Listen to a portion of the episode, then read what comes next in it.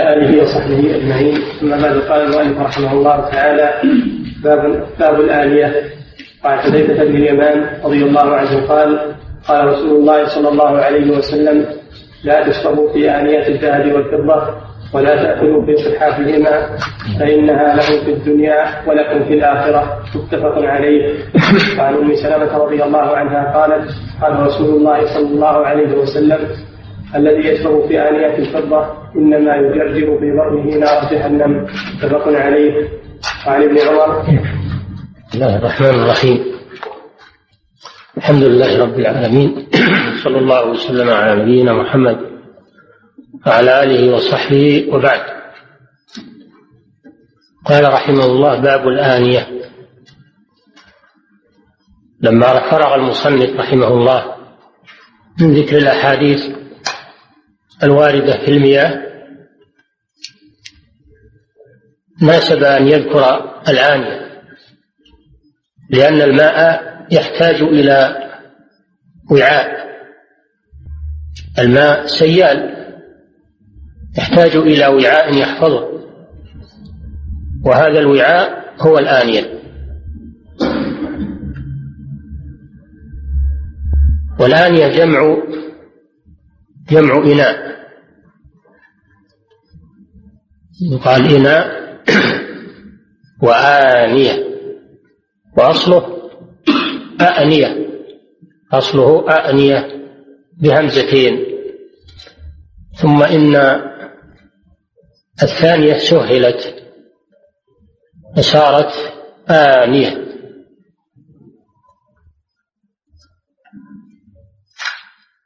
والآنية هي ما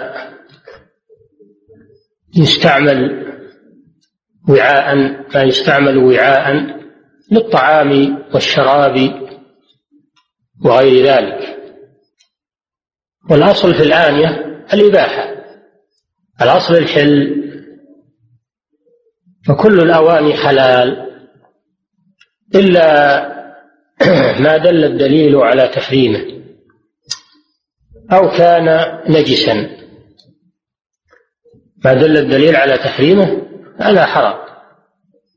وكذلك ما كان نجسا فإنه حرام أيضا أنه لا يجوز استعمال المواد النجسة وتصنيعها أواني أو غير ذلك. سواء كانت هذه الأواني قلنا الأصل فيها الإباحة سواء كانت من حديد أو من نحاس أو من خشب أو من جلود. وسواء كانت رخيصة أو ثمينة كالجواهر والأصل فيها الحل إلا ما دل الدليل على تحريمه.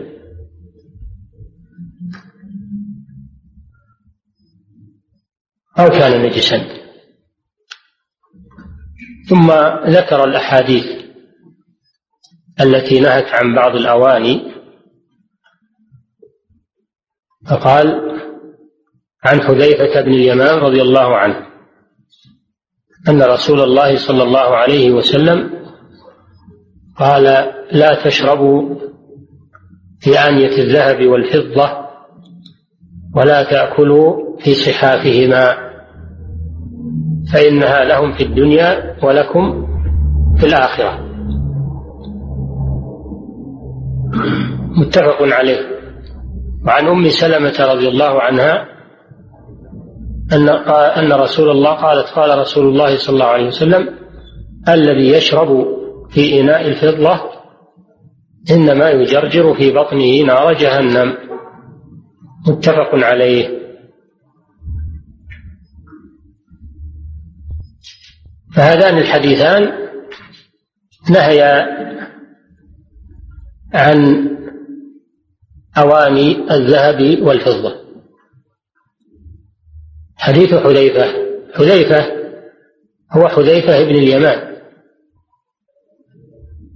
هو وأبوه صحابيان. حذيفة صحابي وأبوه اليمان. صحابي أيضا رضي الله عنهما. وأبوه استشهد يوم أحد.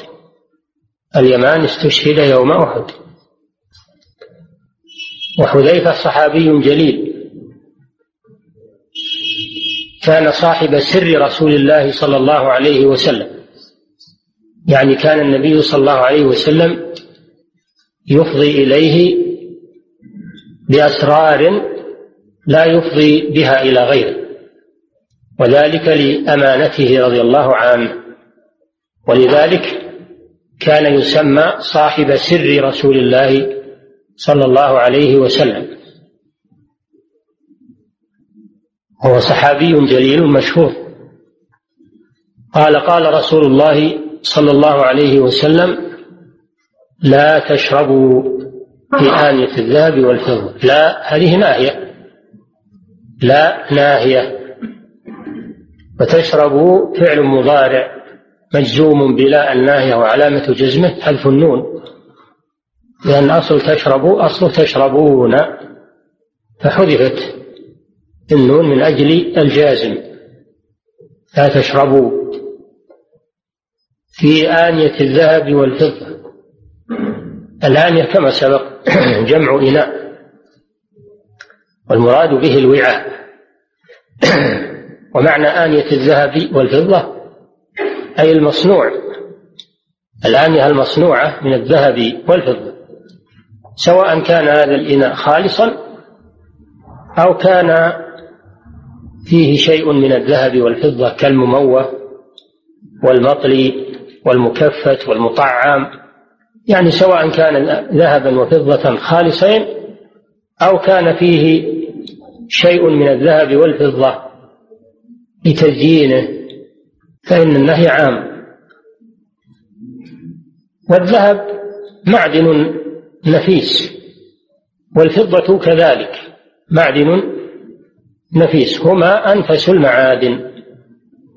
الذهب لونه أصفر أو أحمر والفضة لونها أبيض. وهما المعدنان اللذان يتخذ منهما النقود. معدنان تتخذ منهما النقود.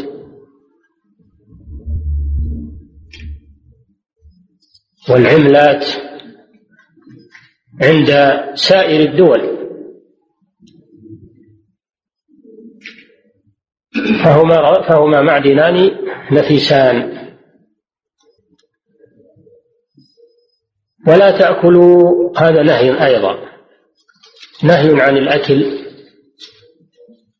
نهي عن الأكل في صحاف الذهب والفضة.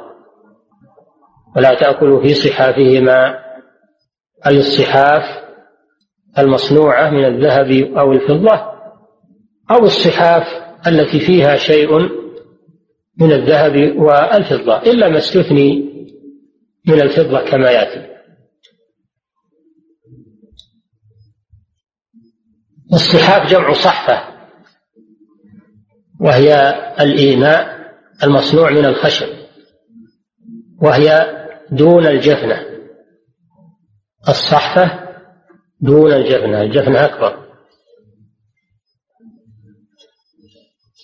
ثم قال صلى الله عليه وسلم معللا هذا النهي فإنها لهم يعني الكفار لهم ليس هذا معناه الإباحة لهم ولكنه إخبار عن حالهم وأنهم يأكلون ويشربون فيهما لأنهم كفار عندهم الكفر أشد. عندهم الكفر أشد من هذا الذنب وليس بعد الكفر ذنب. فإنها لهم في الدنيا يعني يستعملونها في الدنيا ولا يبالون. ولكم أيها المسلمون في الآخرة وهم يحرمون منها في الآخرة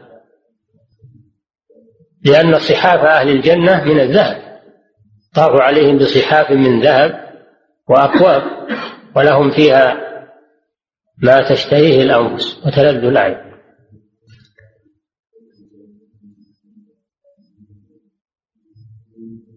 كذلك في أواني الفضة طاف عليهم بآنية من فضة وأكواب قدروها تقديرا. قوارير من فضة قدروها تقديرا طاف عليهم بآنية من فضة وأكواب كانت قوارير قوارير من فضة قدروها تقديرا. طافوا عليهم بالأكواب وبالقوارير من من الفضة. كما أنهم يحلون أساور من فضة. كما أنهم أيضا يحلون في الجنة أساور من فضة. يحلون فيها من أساور من فضة ويلبسون ثيابا خضرا. فالمؤمنون في الجنة يأكلون ويشربون في صحاف الذهب وأواني وكؤوس الذهب والفضة. أن الله أباح أباحها لهم في الآخرة. أما في الدنيا فإن المؤمنين يتجنبون الأكل والشرب في أواني الفضة طاعة لله عز وجل. فلما أطاعوه في الدنيا وتجنبوا تجنبوهما في الدنيا طاعة لله أباحها الله لهم في الآخرة. ولما استباحها الكفار في الدنيا حرمت عليهم في الآخرة. جزاء لهم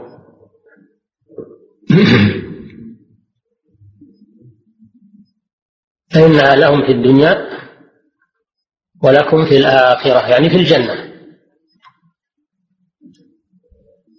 قال وعن أم سلمة أم سلمة هي أم المؤمنين زوج النبي صلى الله عليه وسلم واسمها هند بنت أبي أمية كانت مع أبي سلمة بن عبد الأسد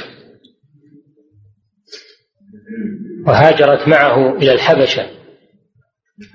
ثم هاجر أبو سلمة إلى المدينة.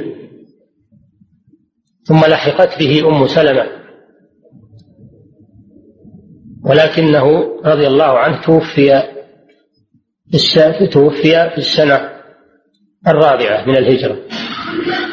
تزوجها رسول الله صلى الله عليه وسلم بعده فصارت من أمهات المؤمنين. وهي صحابية جليلة فاضلة هاجرت الهجرتين. تزوجها رسول الله صلى الله عليه وسلم فهي أم المؤمنين. قالت قال رسول الله صلى الله عليه وسلم الذي يشرب في إناء الفضة إنما يجرجر في بطنه نار جهنم. الذي يشرب هذا إخبار من الرسول صلى الله عليه وسلم الذي يشرب في إناء الفضة أي الإناء المصنوع من الفضة أو الذي طلي بالفضة وزين بالفضة إنما يجرجر في بطنه نار جهنم. هذا وعيد وعيد شديد بأن الله سبحانه وتعالى سيحول هذا الشراب الذي شربه في الدنيا يحوله نارا يوم القيامة.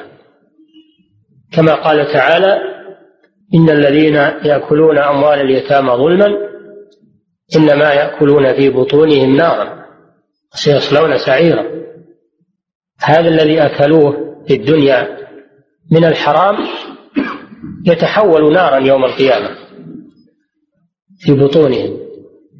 وكذلك هذا الذي يشرب في إناء الفضة يتحول هذا الشراب نارا يوم القيامة يتجرجر في بطنه. وأصل الجرجرة صوت وقوع الماء في جوف البعير. أصل الجرجرة صوت وقوع الماء في جوف البعير. شبه الذي يشرب في إناء الفضة بجرجرة البعير. نار جهنم بالفتح على أنه مفعول والفاعل تقديره هو يعود إلى الذي يعود إلى الذي. ويجوز الرفع يجرجر في بطنه نار على أنه فاعل على أن نار فاعل فاعل الجرجرة هي النار نار جهنم. جهنم اسم من أسماء النار أو طبقة من طبقات النار. سميت بذلك لبعد قعرها أو لغلظها من الجهومة وهي الظلمة. والنار لها أسماء كثيرة جهنم سقر السعير الهاوية القارعة. إلى غير ذلك من أسمائها لأنها دركات وطبقات. كل طبقة منها لها اسم وكل طبقة منها لها نصيب معين من الكفار والعياذ بالله. وأسفل طبقة فيها أسفل طبقة فيها للمنافقين. إن المنافقين في الدرك الأسفل من النار ولن تجد لهم نصيرا. وهم الذين أظهروا الإيمان وأبطنوا الكفر خداعا ومكرا بالمؤمنين. فصاروا في الدرك الأسفل من النار والعياذ بالله. ولن تجد لهم نصيرا. فالنار دركات دركات نازلة. أما الجنة فإنها درجات عالية بعضها فوق بعض. بين كل درجتين كما بين السماء والأرض. الجنة درجات والنار دركات. وسميت النار بأسماء كثيرة لشدة عذابها وشدة ما فيها من من النكال. السعير والهاوية وسقر. جهنم. حطمة. القارعة كل هذه من أسماء النار والعياذ بالله. والحديثان متفق عليهما بين الشيخين.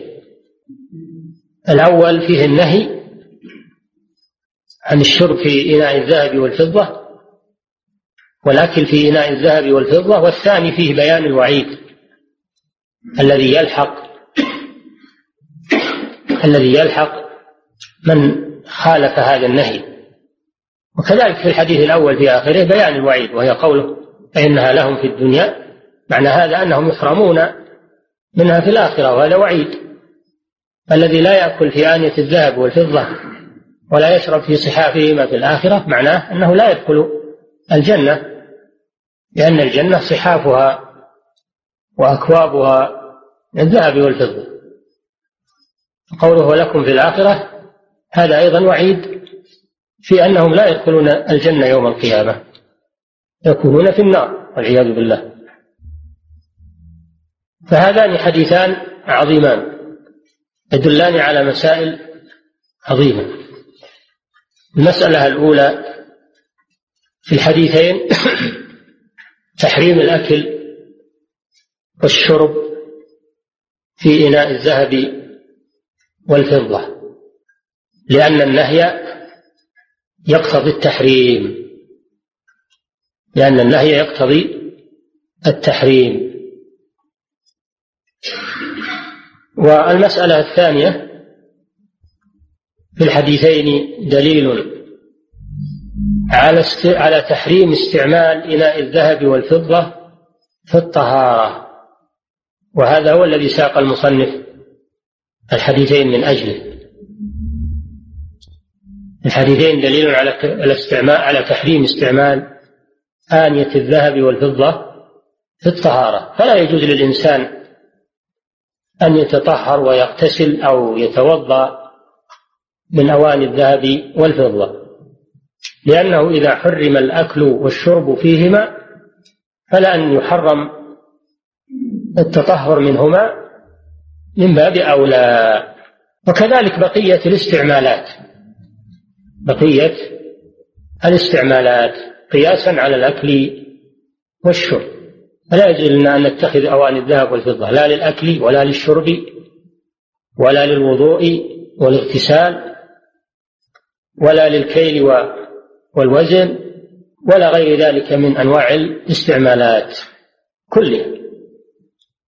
ولا للكتابة اتخذ القلم من الذهب والفضة ولا الدوات ولا غير ذلك. كل الاستعمالات. كل استعمالات الذهب والفضة تحرم كما يحرم الأكل والشرب أو اتخاذ ملاعق من الذهب والفضة.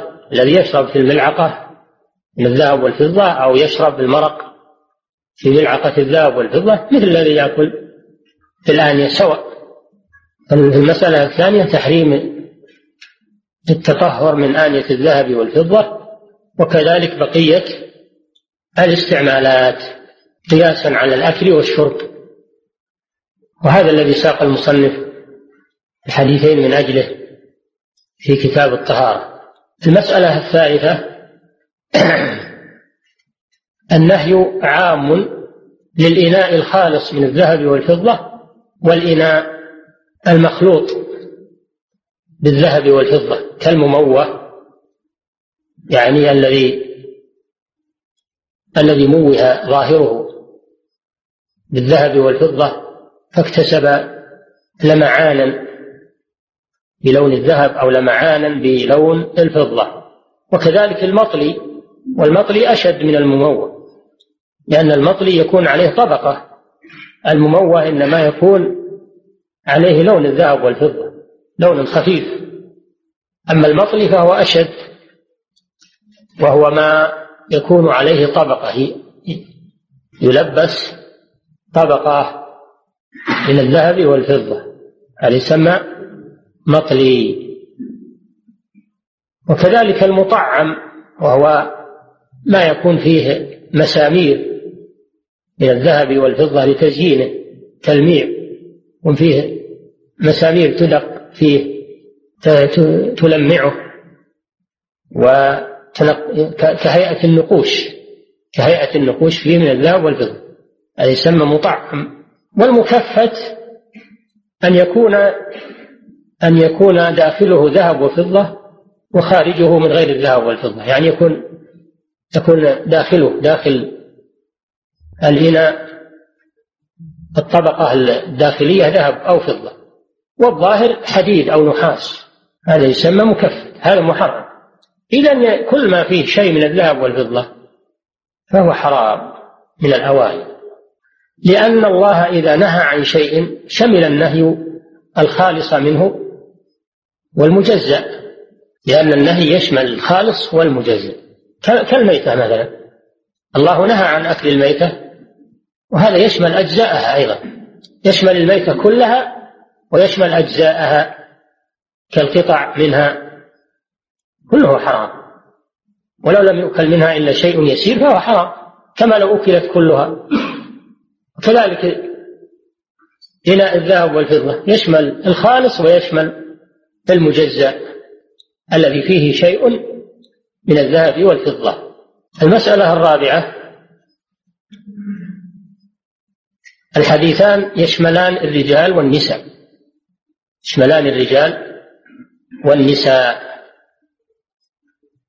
فلا يجوز للمرأة أن تتخذ الأواني من الذهب أو الفضة كما لا يجوز للرجل لأن قوله لا لا تشربوا لا تأكلوا الذي يأكل هذا يشمل الرجال والنساء لأن الأصل في الخطاب أنه عام للرجال والنساء. ولو كان الخطاب بصيغة المذكر فإنه تدخل فيه. النساء من باب التغليب كما لا يجوز للرجل أنه يشرب ويأكل في أواني الذهب والفضة ولا يتوضأ منها فكذلك المرأة لا يجوز لها أن تتخذ أواني من الذهب والفضة ولا تشرب بها أو تأكل بها إلا أن المرأة رخص لها بالتحلي بالذهب والفضة حاجتها لذلك. خلاف الرجل فإنه لا يجوز له التحلي بشيء من الذهب أو الفضة. كما ذكرنا في المسألة المسألة الثالثة أو في المسألة الثانية سائر الاستعمالات. ومن الاستعمالات أن يتخذ الرجل النظارات أو الساعة أو أو القلم من الذهب والفضة. يقول أنا ما استعملته بأكل وشرب أنا استعملته بلبس يقول لا حرام. وفيه نص. النبي صلى الله عليه وسلم يقول في الذهب والحرير هذان حلال لأمتي حرم هذان على ذكور أمتي حل لإناثها. الذهب والفضة تحلي بهما ولبسهما حرام على الرجال. حلال للنساء لحاجتهن إلى التحلي. قضية التحلي غير قضية الأواني غير قضية الأواني. التحلي يلبس أما الأواني فهي لا تلبس وإنما تستعمل الأكل والشرب وغير ذلك.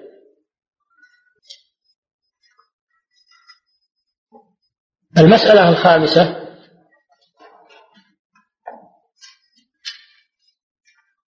في الحديثين دليل على تحريم اتخاذ الأواني من الذهب والفضة من أجل التحف من أجل التحف. يمكن يقول أنا من آكل بهن أو أشرب. صحيح أن الأكل والشرب جاء به النهي ولكن أنا أتخذهما تحف عندي. إناء ذهب أو كاس من الذهب أو من الفضة هذه تحفة. نقول لا هذا حرام. إذا حرم الاستعمال مع أن الناس بحاجة إليه فلا أن يحرم التحف من باب أولى. من باب أولى.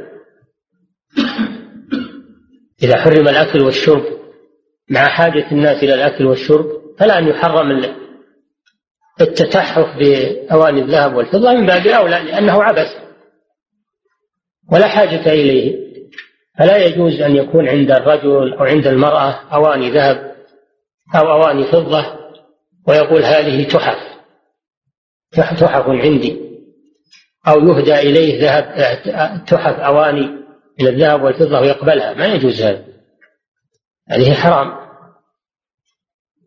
سواء كانت على شكل أواني أو على شكل كؤوس أو غير ذلك. أو ملاعق. يقول ما أنا مستعملين بس بخليهم عندي زينة. حطه عند الدالوب زينة. يقول لا حرام هذا لا يجوز. وكذلك ما توسع فيه الناس الآن من مفاتيح السيارات والمقابض الأبواب كذلك الثريات. يذكر أن هناك ثريات تباع بأقيام كبيرة لأنها مطلية بالذهب. هذه حرام لا يجوز هذا. كذلك تزيين الجدران بالذهب والفضة لا يجوز. أو الفرش كل هذا لا يجوز. حرام على الرجال وحرام حرام على النساء. المسألة السادسة في الحديث قوله فإنها لهم في الدنيا ولكم في الآخرة فيه دليل على تحريم التشبه بالكفار. فإن الكفار لما كانوا يستعملون أواني الذهب والفضة للأكل والشرب فلا يجوز للمسلمين أن يتشبهوا بهم. لقوله فإنها لهم في الدنيا ولكم في الآخرة. فمن أكل أو شرب فيهما من المسلمين فقد تشبه بالكفار. التشبه بالكفار حرام. قوله صلى الله عليه وسلم من تشبه بقوم فهو منهم. والمسألة السابعة.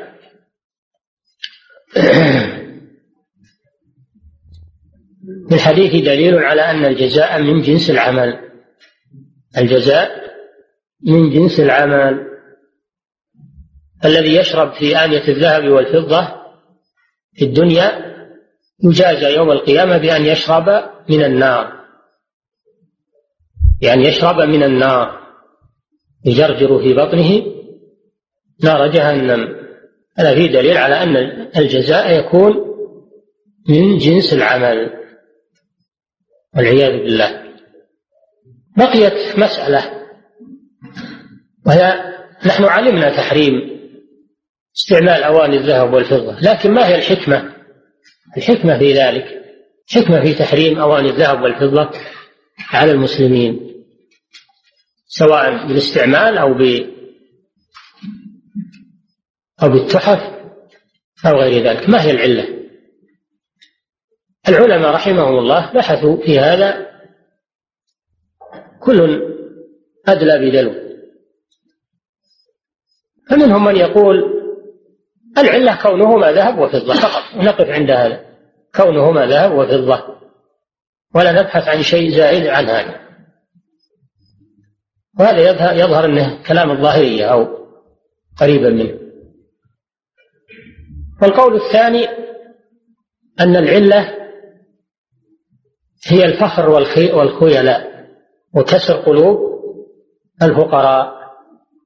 لأن الفقراء لا يجدون شيئا يقتاتون به ويرون هؤلاء يشربون في آنية الذهب والفضة هذا مما يسبب لهم انكسار القلوب. انكسار القلوب. وربما يسبب الحقد منهم على الأغنياء. كيف لا يتصدقون علينا ولا يعطوننا وهم يشربون في أواني الذهب والفضة؟ هذا قول.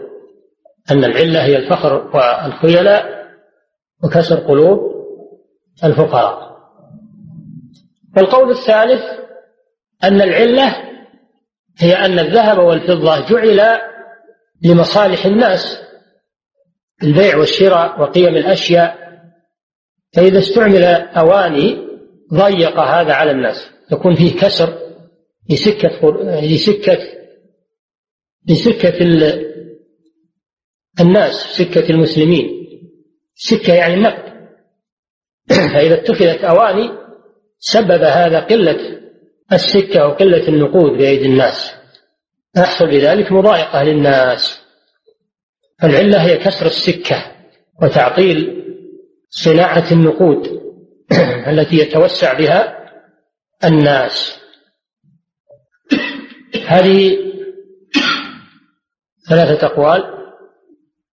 العلامة ابن القيم رحمه الله يقول العلة والله أعلم منافاة العبودية لله عز وجل.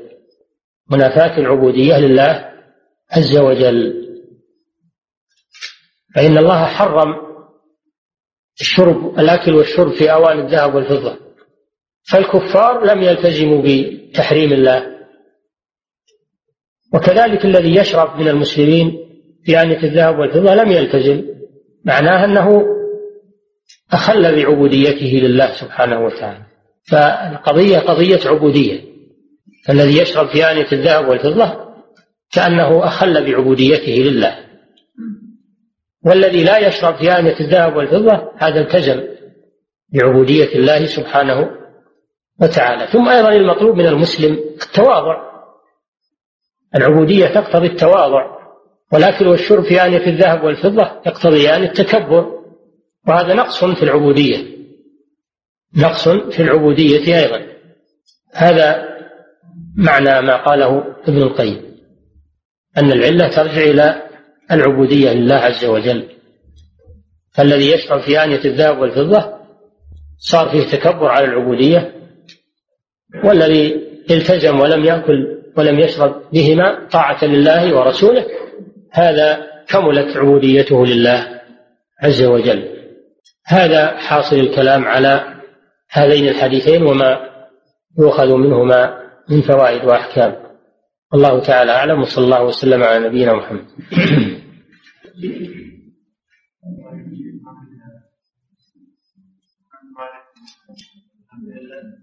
نعم.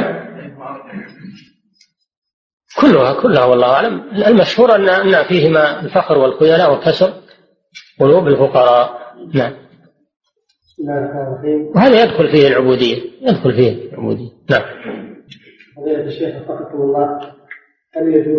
ولا مانع ان تجتمع العلل كلها أن المقصود جميع ما ذكر ففي ذلك كسر لسكه الناس وفيه فخر خيلاء وفيه تمرد على العبودية. فالمجموع يعلل به. وكل واحد من العلماء يقول يقول ناحية من أو يقول بعض الحكمة. فإذا جمعت أقوالهم صارت مجموع أقوالهم هي الحكمة جميعا. لأن اختلاف العلماء في مثل هذا ليس اختلاف تضاد إنما هو اختلاف تنوع. لأن الحكمة تحتمل كل هذه الأقوال وما دامت تحتمل فكلها أقوال صحيحة. نعم. وكل قال بنوع مما ظهر له. نعم. الشيخ وفقكم الله. هل يجوز لبس الساعة المطلية بالذهب أو شيء منه؟ لا. لا يجوز للرجل لبس الساعة المطلية بالذهب أو التي فيها شيء من الذهب. لأن النبي صلى الله عليه وسلم قال في الذهب والفضة هذان حلال لإناث أمتي حرام على ذكورهما. أو قال حرام على ذكور أمتي حل لإناثها. فلا يجوز للرجل أنه يتحلى بالذهب أو بالفضة لا بالساعة ولا بالسوار ولا بالسلسلة. ولا ولا بأي شيء ولا بالقلم ولا بالأزارير. لا يجوز أن يتحلى بشيء فيه ذهب أو أو فضة. إذا كان يتحصل إذا كان يتحصل منه شيء. نعم. فضيلة الشيخ وفقكم الله هل العلة في تحريم الذهب والفضة هي الثمنية وإذا كان كذلك؟ فهل يجري ذلك على الأحجار الغالية كالألماس واللؤلؤ؟ العلة في الذهب والفضة من ناحية الربا هي الثمنية من ناحية الربا. لا من ناحية النهي عن الأكل والشرب. ليست العلة في الأكل والشرب في الأواني هي الثمنية. إنما هذا قول في علة تحريم الربا. وقلنا في أول الكلام أن الأصل في الأواني الإباحة ولو كانت من أشياء ثمينة كالبلاتين والأحجار الكريمة الأصل الإباحة لأنه لم ينهى عن ذلك وإنما نهي عن الذهب والفضة خاصة. نعم. وهل وهل الإناء الذي لونه بلون الذهب يجري التحريم عليه؟ لا. الذي ليس ذهبا ولا فضة لا يحرم ولو كان لونه لون الذهب والفضة ما يحرم. يعني كلام الناس يقول هذا ذهبي هذا فضي. إذا لم يكن ذهبا ولا فضة فلا, فلا تحريم. ولو كان يشارك الذهب والفضة في المشابهة باللون ما يضر هذا. نعم. وفضيلة الشيخ وفقكم الله ذكر بعض أهل العلم تحريم استخدام اتخاذ آنية الذهب والفضة. ذكر بعض أهل العلم تحريم استخدام واتخاذ آنية الذهب والفضة. إيه؟ إلا أن بعض أهل العلم كالصنعاني وداوود ذهبوا إلى إباحة الاستخدام والاتخاذ. لا الصنعاني في شرحها سبل السلام كأنه يقصر يقصر التحريم على الأكل والشرب فقط. ويبيح سائر الاستعمالات يقول لأنها لم ينهى عنها. فيجوز الطهارة تجوز الطهارة من إناء الذهب والفضة. وينتقد المؤلف في إرادة هذا الحديث في باب المياه. يقول هذا محله باب الأطعمة. هذا رأي الإمام الصنعاني رحمه الله. ولكن الصحيح كما قال النووي وغيره أن سائر الاستعمالات تقاس على الأكل والشرب. لأن القياس إذا تكاملت شروطه فهو دليل صحيح. هذا هو الصحيح أنه تحرم سائر الاستعمالات. نعم.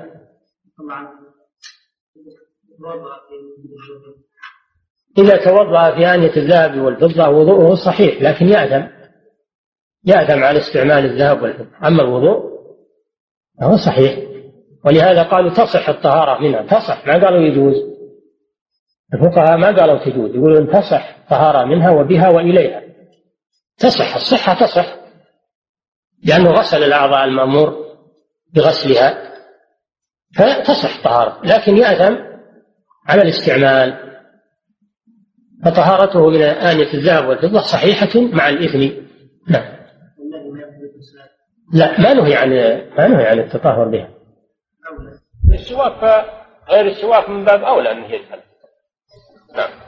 لابد أن الداعية يتعلم أولا أحكام الشريعة كلها.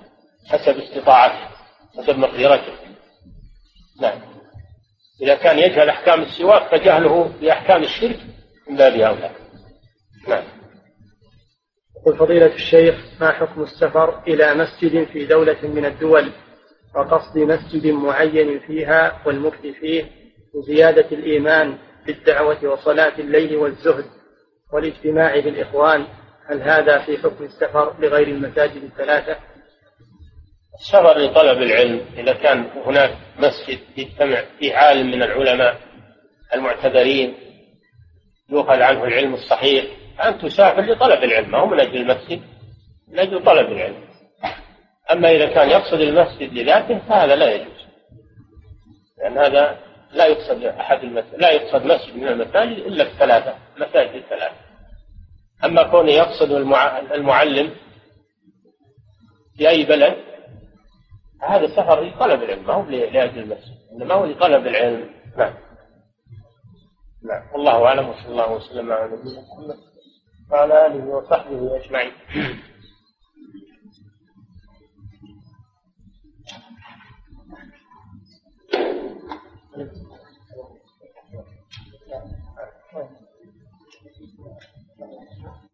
الحمد لله رب العالمين صلى الله وسلم على نبينا محمد وعلى آله وأصحابه أجمعين. وبعد. نواصل الدرس بعد انقطاع دام عدة أشهر. ونسأل الله سبحانه وتعالى أن يوفقنا جميعا للعلم النافع. والعمل الصالح والفقه في دينه. ويقتضي النظر حسب ما جربنا أننا نقرأ الباب أو بعض الباب نتكلم عليه ثم تكون بعده أسئلة مكتوبة في أوراق تقرأ ونجيب عليها لأننا جربنا مع زملائكم وإخوانكم في الطائف جربنا أن تلقي الأسئلة بعد القراءة والإجابة عليها فيه فائدة عظيمة. ولا سيما إذا كانت هذه القراءة وهذه الإجابة تسجل ويحتفظ بها ينفع الله بها من سمعها ممن لم يحضر الدرس. فمن الآن ستكون إن شاء الله هذه هي طريقتنا. نقرأ الباب أو بعضه ونتكلم عليه بما تيسر ثم توزع أوراق أثناء الدرس وتكون حاضرة. ليكتب من أراد سؤالا أو إشكالا حول الدرس أو إشكالا ولو لم يكن من موضوع الدرس وفيه فائدة من أجل أن نبحث فيه إن شاء الله. ويكفي درس واحد في الجلسة الواحدة مع أسئلته يكفي درس واحد في الجلسة الواحدة مع أسئلته ففي ذلك الخير الكثير إن شاء الله. قال المصنف رحمه الله باب ما جاء في حماية المصطفى صلى الله عليه وسلم جناب التوحيد وسده. لكن هذا قياس والقياس ما يأتي من كل وجه يعني على كل شيء. نعم. الله عنك يا شيخ. ذكر الشيخ ابن العثيمين حديث سلمة أن عند إناء من فضة وكان فيه بعض شعرات الرسول صلى الله عليه وسلم وكانت تضع الماء فيه وتخفضه وتسقيه للاستشفاء لبعض الصحابة. لا, لا ما يتخذ دليل على جواز اتخاذ الإناء من من الفضة. لأن لأن الحجة بكلام الرسول صلى الله عليه وسلم. نعم. بس كلام الرسول كان لكن الشرب فقط وليس الاستخدام هذا الحديث يعني يكون مخصص هذا ذكر ذكره غير محمد بن لكن الكلام في في أن الرسول صلى الله عليه وسلم أقر هذا أو لم يقر. هذا بعد الرسول صلى الله عليه وسلم. هذا بعد الرسول صلى الله عليه وسلم. نعم.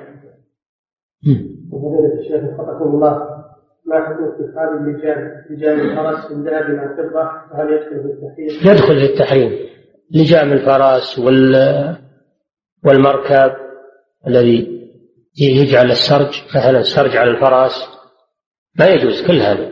ما يجوز لا يجعله من الحرير ولا من الذهب ولا من الفضة. كله ما يجوز. نعم. هذا ورد به الدليل. حلية السيف والمنطقة. هذه ورد فيها أن أن سيوف الصحابة كانت محلات الذهب والفضة ولم ينكر الرسول صلى الله عليه وسلم. ولذلك قال الفقهاء يباح من الذهب والفضة قبيعة السيف وحلية المنطقة لأن هذه كانت معروفة ولم تنكر. هذه مستثنات نعم. لا. ما لم يرد به دليل فلا يقاس. نعم. فضيلة الشيخ وفقكم الله ما ذكره العلامة ابن القيم رحمة الله تعالى عليه في علة تحريم الذهب والفضة لأنه منافاة للعبودية. فيه فيه منافاة. لأنه فيه منافاة للعبودية. ألا يمكن أن يقال أن تلك العلة يمكن قولها في كل نهي ورد الشرع. يمكن وليكن هذا. من كل من لم يلتزم بأوامر الله ونواهيه أن هذا نقص في عبوديته. أن هذا نقص في عبوديته. لا مانع من ذلك. نعم. فضيلة الشيخ وفقكم الله هل النهي يقتضي الفساد؟ وأرجو أن تمثلوا بهذا. النهي يقتضي الفساد نعم.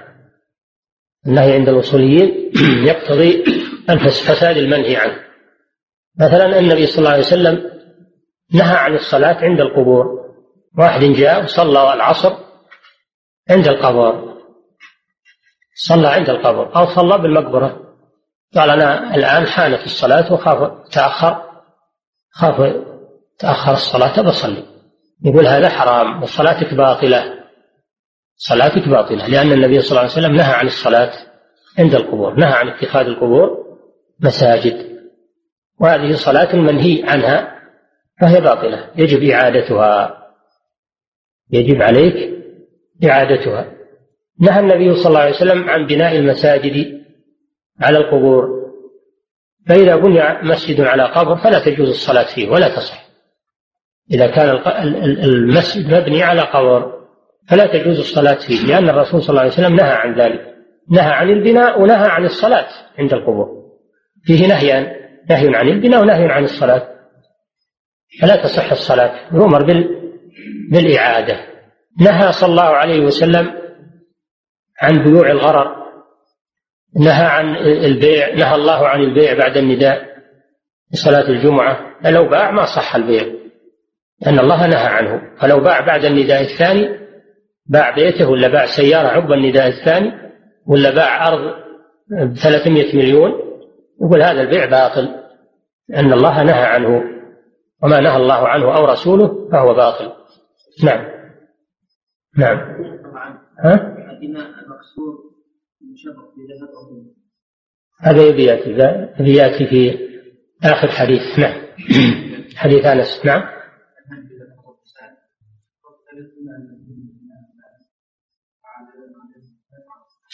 ما في نص على ما نص النهي عن عن التطهر من إناء الذهب والفضة وإنما قسناه قياسا.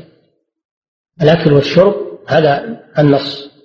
وقسنا عليه التطهر من إناء الذهب والفضة بالتحريم بالتحريم فقط لا بالفساد.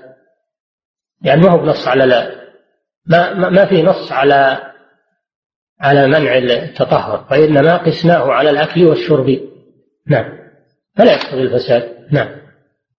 الشيخ الله باب الكعبة وميزانها هل هو من الذهب وإذا كان كذلك فما تكون فيه الذهب باب الكعبة نعم محلى بالذهب. وكذلك الميزان حل بالذهب. هذا خاص بالكعبة المشرفة.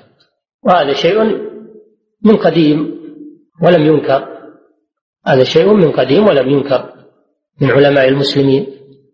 وليس هذا من باب يعني ملك أحد إنما هو للكعبة للكعبة فقط.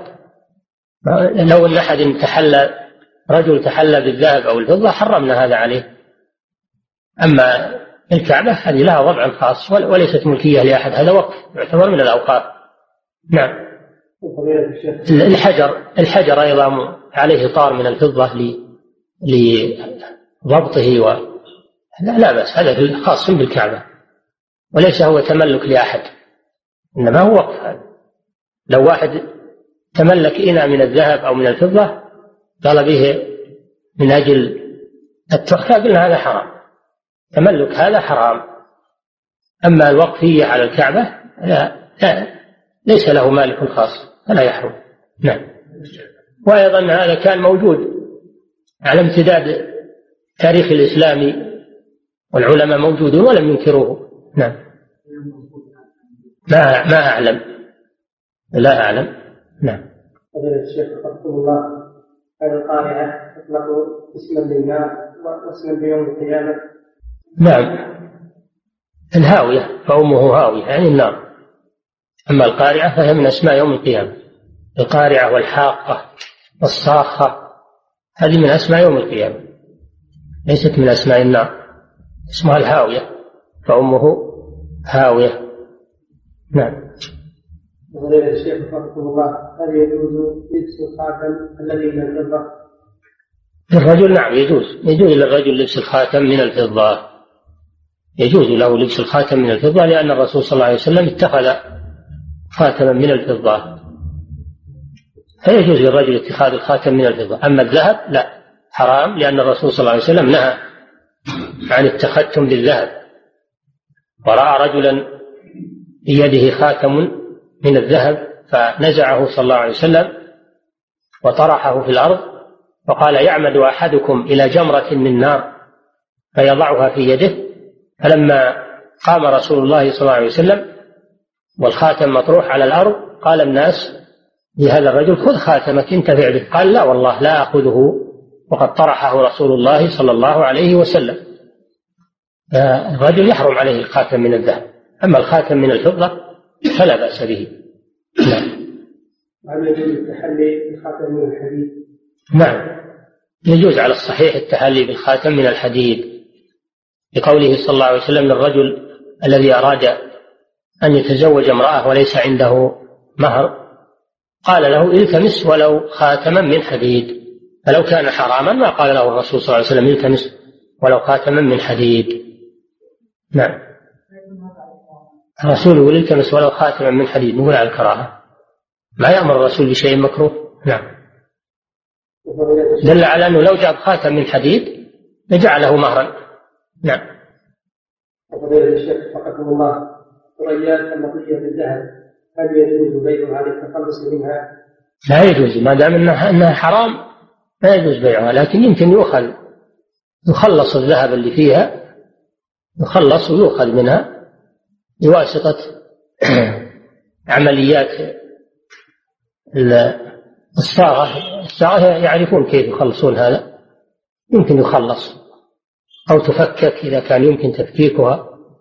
تفكك ويؤخذ الشيء اللي فيه ذهب ويراح به الصاغة ويحلونه يأخذون الذهب منها. أما بيعها وهي فيها الذهب هذا حرام. نعم. ها؟ أي تختم؟ يجوز لكل أحد. مباح لكل أحد. الحمد لله. ما في بأس. نعم. حرام كله حرام. سكاكين من سكاكين مطلية بالذهب أو ملاعق أو فناجيل أو بيالات. أو غير ذلك كله حرام لا يجوز. أو مفاتيح سيارة أو مقابض أبواب أو حتى بلغنا أنهم يجعلون بعضهم يجعل المراحيض كراسي المراحيض يجعل فيها ذهب. هذا حرام لا يجوز. هذا إسراف وبذخ والعياذ بالله بلغ النهاية. نعم. لا. لا تقاس ساعة الفضة على الخاتم. يكتفى بالخاتم مستثنى. إلا ما يجوز إلا ما ورد به الدليل فقط. نعم. وفضيلة الشيخ وفقكم الله. ما معنى قول المحقق ما معنى قول المحقق عند تفسيره بكلمة المجبر هو صوت وقوع الماء في الجو عند الكراهة المتواتر هذا هذا تفسيره من من حيث اللغة. تفسيره من حيث اللغة. أن الجرجرة معناها صوت الماء. إذا نزل في جوف البعير. يسمع له صوت. أنت لما تجي عند البعير ويشرب تسمع أن الماء له صوت في جوفه. فشبه صلى الله عليه وسلم الماء الذي الذي ينزل في بطن الشارب في إناء الفضة شبهه بالماء الذي ينزل في جوف البعير. نعم. الله. إذا كانت الأقلام والساعات المطلية بالذهب والفضة بشكل لا يرى ولا يؤثر النظر نعم. إذا كانت الأقلام والساعات المطلية بالذهب والفضة بشكل لا يرى ولا يؤثر النظر فهل يجوز اتخاذها؟ إذا كان الكلام على إذا كان الشيء ظاهرا أما إذا كان ما, ما هو ظاهر تسامح فيه. إذا كان ما هو ظاهر ولا يرى حكم على الظاهر. الذي يرى ويشاهد. نعم. وفضيلة الشيخ وفقكم الله. هل يجوز بيع وشراء وصناعة أواني الذهب والفضة؟ لا يجوز ما دام إنها حرام على الرجال والنساء فصناعتها حرام. صناعتها حرام لأن صناعتها وسيلة لاستعمالها. وما كان وسيلة إلى الحرام فهو حرام. الله تعالى يقول وتعاونوا على البر والتقوى ولا تعاونوا على الإثم والعدوان. نعم. وفضيلة الشيخ وفقكم الله إذا كان شخص يحتفل بأعوان الذهب والفضة ومادة لها قيمة ولا يستعملها لشيء أبدا فهل يجوز له ذلك؟ لا يجوز أن يحتفظ بها على صورتها. أواني. لا يجوز يستعمل يحتفظ بها على صورتها أواني. لكن له أن يذهب إلى الصاغة ويحولونها له. يستخلصون الذهب والفضة من الأواني. تبقى الأواني على ما هي عليه. نعم. فضيلة الشيخ وفقكم الله هل كل ما أطلق عليه ذهب وفضة هو كذلك أم أنه هو ما أستطيع فصله وتقويمه؟ نعم هذا يسأل عن المموه والمخلوط بشيء من الذهب والفضة. الفقهاء يقولون إذا أمكن تحصيل شيء منه فهو حرام. أما إذا كان ما يمكن تحصيل شيء منه وإنما هو مجرد تلميع يسير ولا يستخلص منه شيء فهذا لا يعتبر من المحرم. مع أن الاحتياط الاحتياط تجنب هذا الشيء مهما أمكن. تجنب هذا الشيء مهما أمكن. ولهذا قالوا مثلا في قالوا مثلا في زري البشوت إنه من هذا النوع إنه ما يحصل منه شيء. ما يحصل منه شيء. زري البشوت هذا التطريز اللي في البشوت هذا ما ما يمنع ولا يحرم لأنه ما يحصل منه شيء. عندما يخلص فلا بأس. وأيضا الرسول صلى الله عليه وسلم رخص في العلم من الحرير في الثوب وقاسوه عليه. قالوا هذا مثل العلم. نعم. الله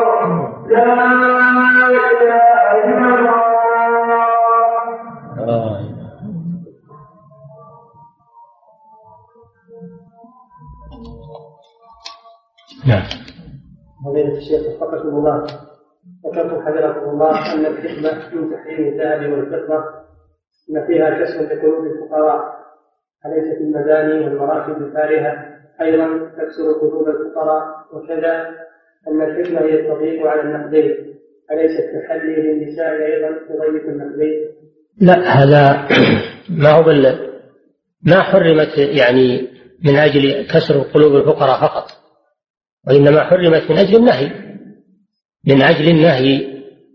لكن العلماء التمسوا علة التماس. فالأصل في التحريم هو النهي.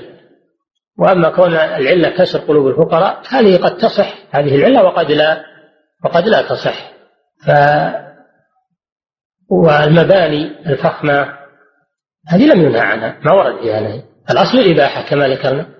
الأصل في المساكن والمراكب وال الأصل في المساكن والمراكب والملابس والمعاملات. الأصل فيها الحل إلا ما دل إلا ما دل الدليل على تحريم. العبادات الأصل فيها التحريم إلا ما دل الدليل على تشريعه. وإلا ما لم يدل الدليل على تشريعه في العبادات يكون بدعة. من عمل عملا ليس عليه أمرنا فهو رد. أما المعاملات بالعكس الأصل فيها الحل إلا ما دل الدليل على تحريمه. فالمباني لم يدل دليل على تحريمه سواء كانت طبقة أو أدوار كثيرة أو كانت فخمة أو غير فخمة أو متواضعة. الأصل فيها الحل وكون هذا يملك عمارة من عشرين دور. هذا فضل الله سبحانه وتعالى أعطاه هذا المال. لا حرج عليه في ذلك. إذا أدى حق الله تعالى في ماله وفي تجارته لا حرج عليه في ذلك. لكن الأكل والشرب هذا ورد فيه النهي. فيمنع نعم وفضيلة الشيخ وفقكم الله ذكرت قبل قليل أن حلية أن حلية المنطقة جائزة. فما معنى ذلك؟ المنطقة هي الحزام المنطقة الإنسان تسمى الحياصة أو السبكة إذا كان فيها شيء من الفضة فلا بأس لأن الصحابة لبسوا المناطق محلاة بالفضة. يباح حلية المنطقة قبيعة السيف وما أشبه ذلك؟ الأشياء التي ورد أنها كانت موجودة في عهد الصحابة رضي الله عنهم واستعملوها. نعم. وفضيلة الشيخ وفقكم الله ذكر بعض طلبة العلم أن كتاب بلوغ المرام عليه بعض عليه بعض المآخذ فمنها أن أحاديثه مذكورة حيث أن الحافظ ابن حجر لم يأتي بأحاديث كاملة وأن الكتاب لم يرتب على شكل أبواب كما في الملتقى حيث يدرك جميع الأحاديث الواردة مثلا في باب المياه أو الآنية ثالثا أن تسميته ببلوغ المرام فيها نظر لأن الأحاديث الواردة فيه قليلة كما هو القضية؟ والله هذه مصيبة يعني. الآن ظهر ناس ينتقدون الكتب وينتقدون الأئمة وينتقدون كل شيء. الظاهر ما هم تاركين شيء ما هم منتقدينه أين هذا المنتقد من ابن حجر العسقلاني رحمه الله؟ الإمام الجليل كان يلقب بأمير المؤمنين في الحديث. فهذا المنتقد غير مؤدب في الحقيقة. هذا عنده سوء أدب والعياذ بالله. وهذا الكتاب بلوغ المرام كان مرضي من علماء المسلمين من وقت المصنف إلى وقتنا هذا. لم ينتقدوه. كانوا يحفظونه ويدرسونه ويشرحونه ولم ينتقدوه بل كانوا يثنون عليه وعلى صنيعه رحمه الله. وكون فيها أحاديث يقال إنها ضعيفة هو لم يردها وحدها وإنما يردها مع شواهد ومع أدلة أخرى تؤيدها وتعضدها. فهو إمام جليل خبير في الصناعة هذه ولا أراد غش المسلمين في هذا الكتاب بل أراد نفع المسلمين. وإذا جرينا هذا المجرى لم يبقى كتاب. إلا وعليه من ينتقده من الناس. معنى هذا تبطل الكتب كلها. مسند الإمام أحمد سنن السنن الأربع حتى البخاري انتقدوا ترى البخاري ما سلم منه انتقدوا معنى هذا يعني حتى يمكن يصل النقد والعياذ بالله إلى القرآن. فهذه طريقة خبيثة الواقع. ولا يجوز لطالب العلم أن يتكلم بمثل هذا الكلام. أول شيء هذا سوء أدب مع العلماء مع كتب السنة. وثاني شيء من هو هذا المتكلم؟ متى تعلم ومتى بلغ هذه مرتبة انتقاد ابن حجر وانتقاد بلوغ المرام وتقويم المنتقى لابن تيمية؟ ما بلغ هذه المرتبة المسكين. فهو يقول بلا علم فالواجب أن الإنسان يعرف قدر نفسه ويتأدب مع العلماء ويتأدب مع كتب الحديث ومع كتب الأئمة ولا يدخل هذا المدخل السيء. صار كثير من الناس الآن ما إلا النقد والانتقاد. انتقاد الأشخاص وانتقاد الكتب. الأحياء والأموات. حتى وصل الكلام إلى الأئمة الذين ماتوا من قرون ينتقدونهم الآن. يتكلمون فيهم. أبو حنيفة ابن حزم فلان ابن حجر ابن النووي. صاروا يتكلمون فيهم. يعني معنى هذا أن, أن, أن المسلمين نزعت الثقة منهم. وهذا ما يفرح به إذا كان هذا الكلام في علماء المسلمين. فكيف الكلام بغيرهم هذا مما يفرح الأعداء ومما يفرح المبتدعة والفرق الضالة. يقول هذول أهل السنة اللي تقولونها صار الآن تبين أنهم كلهم عليهم انتقاد وكلهم عليهم مآخذ. صار صار كلامنا فيهم صحيح. صار كلامنا فيهم صحيح. هذا هذه بلية دي بلية. يجب على طالب العلم أنه يخاف من الله ويتقي الله ويكف عن مثل هذا الكلام. نعم. الشيخ الله ما حكم بيع مصنوعة من الذهب والفضة على الكفار؟ لا يجوز للمسلم أن يبيع أواني الذهب والفضة على الكفار لأنه حرام على الكفار لكن الكفار لا يلتزمون. ما هو معنى أنه حلال للكفار؟ هي حرام على الكفار. ولكن الكفار لا يلتزمون بأحكام الله سبحانه وتعالى.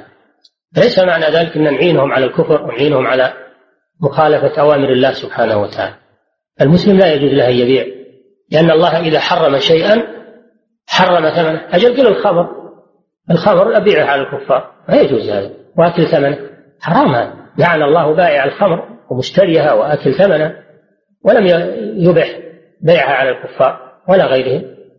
كذلك الأواني أواني الذهب والفضة حرام لا يجوز بيعها لا على الكفار ولا على المسلمين. نعم.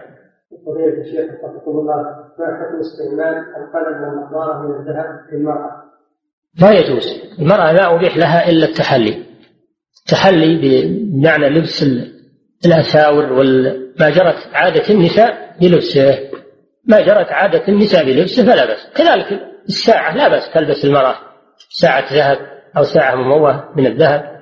أيضا النظارات لا بأس لأن هذه ملابس. هذه ملابس. أما القلم لا ما يجوز. القلم والدوات والفراش هذا ما يجوز لا للرجال ولا ولا للنساء ولا الأواني. أما الشيء الملبوس الذي تلبسه المرأة لبس من باب التحلي فهذا لا بأس. النظارات والساعة والأساور وال ما جرت عادة النساء بلبسه من الحلي. أما ما لا يلبس من الأواني أو الأقلام أو الخواشيد اللي يسمونها الملاعق هذا كله حرام على الرجال والنساء. نعم. والفناجيل و... كله حرام. نعم. وفضيلة الشيخ حفظكم الله ذكر لكم الله أن النهي يقتضي فساد المنهي عنه والفقهاء ذكروا أن الصلاة في الثوب المغسول أو الوضوء من الماء المغسول صحيح مع الإثم كما توجيه ذلك هذا يقولون فيها الجهة منفكة. هذا يتكلمون فيه يقولون الجهة منفكة. فالنهي عن الصلاة في الثوب المغصوب. لم ينهى عن الصلاة نفسها وإنما نهي عن استعمال الثوب. فالصلاة أديت بشروطها وأركانها وواجباتها فهي أديت على الوجه المشروع. فالنهي غير متوجه إلى الصلاة وإنما توجه إلى استعمال مال الغير بغير إذنه. فالجهة منفكة. هذا نهي وهذا أمر. أمر بالصلاة أمر بالوضوء. فالجهة منفكة مثل الدار الصلاة في الدار. المغصوبة أيضا. يقولون الجهة منفكة. وإذا انفكت الجهة لم يقتضي النهي الفساد من كل وجه وإنما يقتضي الفساد في وجه دون دون وجه. نعم. وفضيلة الشيخ وفقكم الله هل يعفى عن يسير عن يسير دم الآدمي على الثوب في الصلاة؟ لا. يسير دم الدم في الثوب لا يعفى عنه. إذا كان هذا الدم نجسا. إذا كان هذا الدم نجسا. إما من حيوان مذبوح أصاب الثوب من من الزكاة. يعني دم من دم الزكاة الذي يشخب من الأوداج. هذا نجس ما يعفى عنه. أما وكذلك الدم دم الحيض يصيب ثوب المرأة. كذلك دم الجراحة يصيب ثوب الرجل أو المرأة. الدم النجس لا يعفى عن كثيره ولا عن قليله في الثوب لأن النبي صلى الله عليه وسلم قال للحائض التي سألته عن الدم يصيب الثوب قال تحته ثم تقرصه ثم تنضحه بالماء وتصلي فيه. فالدم النجس هذا لا يعفى إذا أصاب الثوب لا يعفى عنه لا بد من غسله ولو كان قليلا. أما الدم الطاهر مثل دم اللحم المذكى الدم المتبقي في اللحم بعد الزكاة هذا طاهر مباح. إذا أصاب الثوب فإنه ليس بنجيس يصلي فيه. صلاته صحيحة لأنه معفو عنه. نعم. نعم. لا إذا صلى الإنسان في ثوب فيه نجاسة ونسيها أو ما درى أو ما عرف الحكم صلاته صحيحة لكن يغسله للمستقبل. يغسله للمستقبل. نعم. والله عنك شيخ الرعاف إذا كان يسير ينقض الوضوء. الرعاف اليسير لا ينقض الوضوء لأن الحديث الوارد به ضعيف. فإذا كان يسيرا لا ينقض الوضوء. نعم. ها؟ الذي يضع إذا كان كثير يخرج من الصلاة. إذا كان كثير يخرج من الصلاة. أما إذا كان مجرد نضح يسير هذا لا يقطع الصلاة يستمر فيها. نعم. ما يضر. إذا غسله وبقي لون عجز عنه ما يضر. لأن الرسول صلى الله عليه وسلم قال للمرأة ولا يضرك أثره. ولا يضرك أثره. نعم. وهنا الشيخ وفقكم الله. ما حكم إغماض العينين في الصلاة. ذلك أني لا أستطيع الخشوع إلا إذا أغمضت عيني. يقول الفقهاء يكره إغماض العينين في الصلاة إلا لحاجة. إذا كان لحاجة لا بأس. أمامك شيء يشغلك غمض عينيك من أجل ما تراه ولا يشغلك. إذا كان إغماض العينين لحاجة لا بأس. أما إذا كان لغير حاجة قالوا يكره كراهية. نعم. وفضيلة الشيخ وفقكم الله متى ترفع السبابة الشاهد في التشهد الأول والثاني؟ وهل ترفع بغير هذين الموضعين؟ صحيح أنها ترفع عند ذكر لفظ الجلالة في الدعاء التشهد والدعاء. ترفع عند ذكر لفظ الجلالة إذا مر لفظ الجلالة في التشهد أشهد أن لا إله إلا الله يرفع إليه عند الجلالة أو أعوذ بالله من عذاب جهنم إذا قال أعوذ بالله على لفظ الجلالة يرفع أصبعه. فهذا موضع رفع السبابة عند مرور لفظ الجلالة في التشهد أو في الدعاء. نعم من أجل الإشارة إلى التوحيد. نعم. اللهم وكذلك اللهم لأنه هو لفظ الجلالة أصله يا الله. ثم حذفت الياء وعوضت عنها الميم في الآخر. هذا لفظ جلالة لا بأس. ترفع اليد آه، السبابة عنده. نعم. نعم. في الصلاة؟ لا التشهد خاص. رفع السبابة في التشهد خاصة عند مرور لفظ الجلالة. أما إذا مر لفظ الجلالة وهو يقرأ القرآن في الصلاة أو هذا لا يرفع يده إيه، لا يرفع أصبعه. في القيام لا يرفع أصبعه ولا في السجود ولا في الركوع ما يرفع. إلا في التشهد بس. نعم. نعم. ولا يرفع السبابة في الجلسة بين السيدتين في التشهد فقط. نعم. هذا الذي ورد فيه الدليل. نعم. مسألة التحريك أو عدم التحريك الأمر سهل فيها. إن حرك فلا بأس وإن لم يحرك فلا بأس. نعم. لأن يعني فيه رواية ويحركها وفي رواية ولا يحركها. فالحاصل أنه الأمر واسع في هذا. نعم. وفضيلة الشيخ رحمكم الله ما حكم البيع والشراء في المسجد؟ حرام لا يجوز البيع والشراء في المسجد ولا يصح.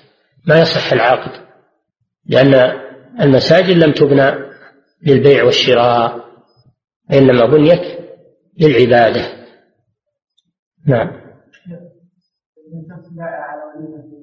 لا بأس إذا قال تفضلوا ولا عند فلان فلان يقول تفضلون عنده وليمة لا بأس. ما في شيء. في المسجد لا بأس. نعم. وما حكم تعريف الضالة دون إنشادها لا يجوز تعريف الضالة في المسجد. قوله صلى الله عليه وسلم لا ينشد الضالة في المسجد إلا ضال أو, أو, أو قال صلى الله عليه وسلم لا. قال صلى الله عليه وسلم إذا سمعتم من ينشد ضالته في المسجد فقولوا لا ردها الله عليك. أما الحديث الذي ذكرته الأول فلفظه لا يؤوي الضالة ضالة الإبل إلا ضال. يعني ضالة الإبل ما يجوز أن الإنسان يؤويها لأن الرسول صلى الله عليه وسلم يقول دعها معها حذاؤها وسقاؤها ترد الماء وتأكل الشجر إلى أن يجدها صاحبها. ولأنك إذا أخذتها وآويتها حبستها عنه حبستها عن صاحبها ولا عليها خوف من الذئب. خلاف الشاة الشاة عليها خوف يأكلها الذئب. أما البقر والإبل هذه تترك حتى يجدها صاحبها. نعم. فضيلة الشيخ وفقكم الله إذا أطلقت النار على الصيد وقلت بسم الله ولم تصب الصيد فهل أقول بسم الله مرة ثانية وأطلق النار أو أكتفي بالتسمية الأولى؟ لا لا النار التسمية لازم على كل سهم تطلقه على كل سهم تطلقه فإذا رميت الأولى ولم تصب وأردت ترمي ثانية تسمي على الثانية لأن الأولى انتهت التسمية الأولى انتهت مع الرمية الأولى ولم يحصل لها مفعول ولا شيء نعم فضيلة الشيخ وفقكم الله اعتاد كثير من الناس أن يقلبوا الأحذية إذا وجد أن أسفلها متجه إلى أعلى فهل لهذا أصل؟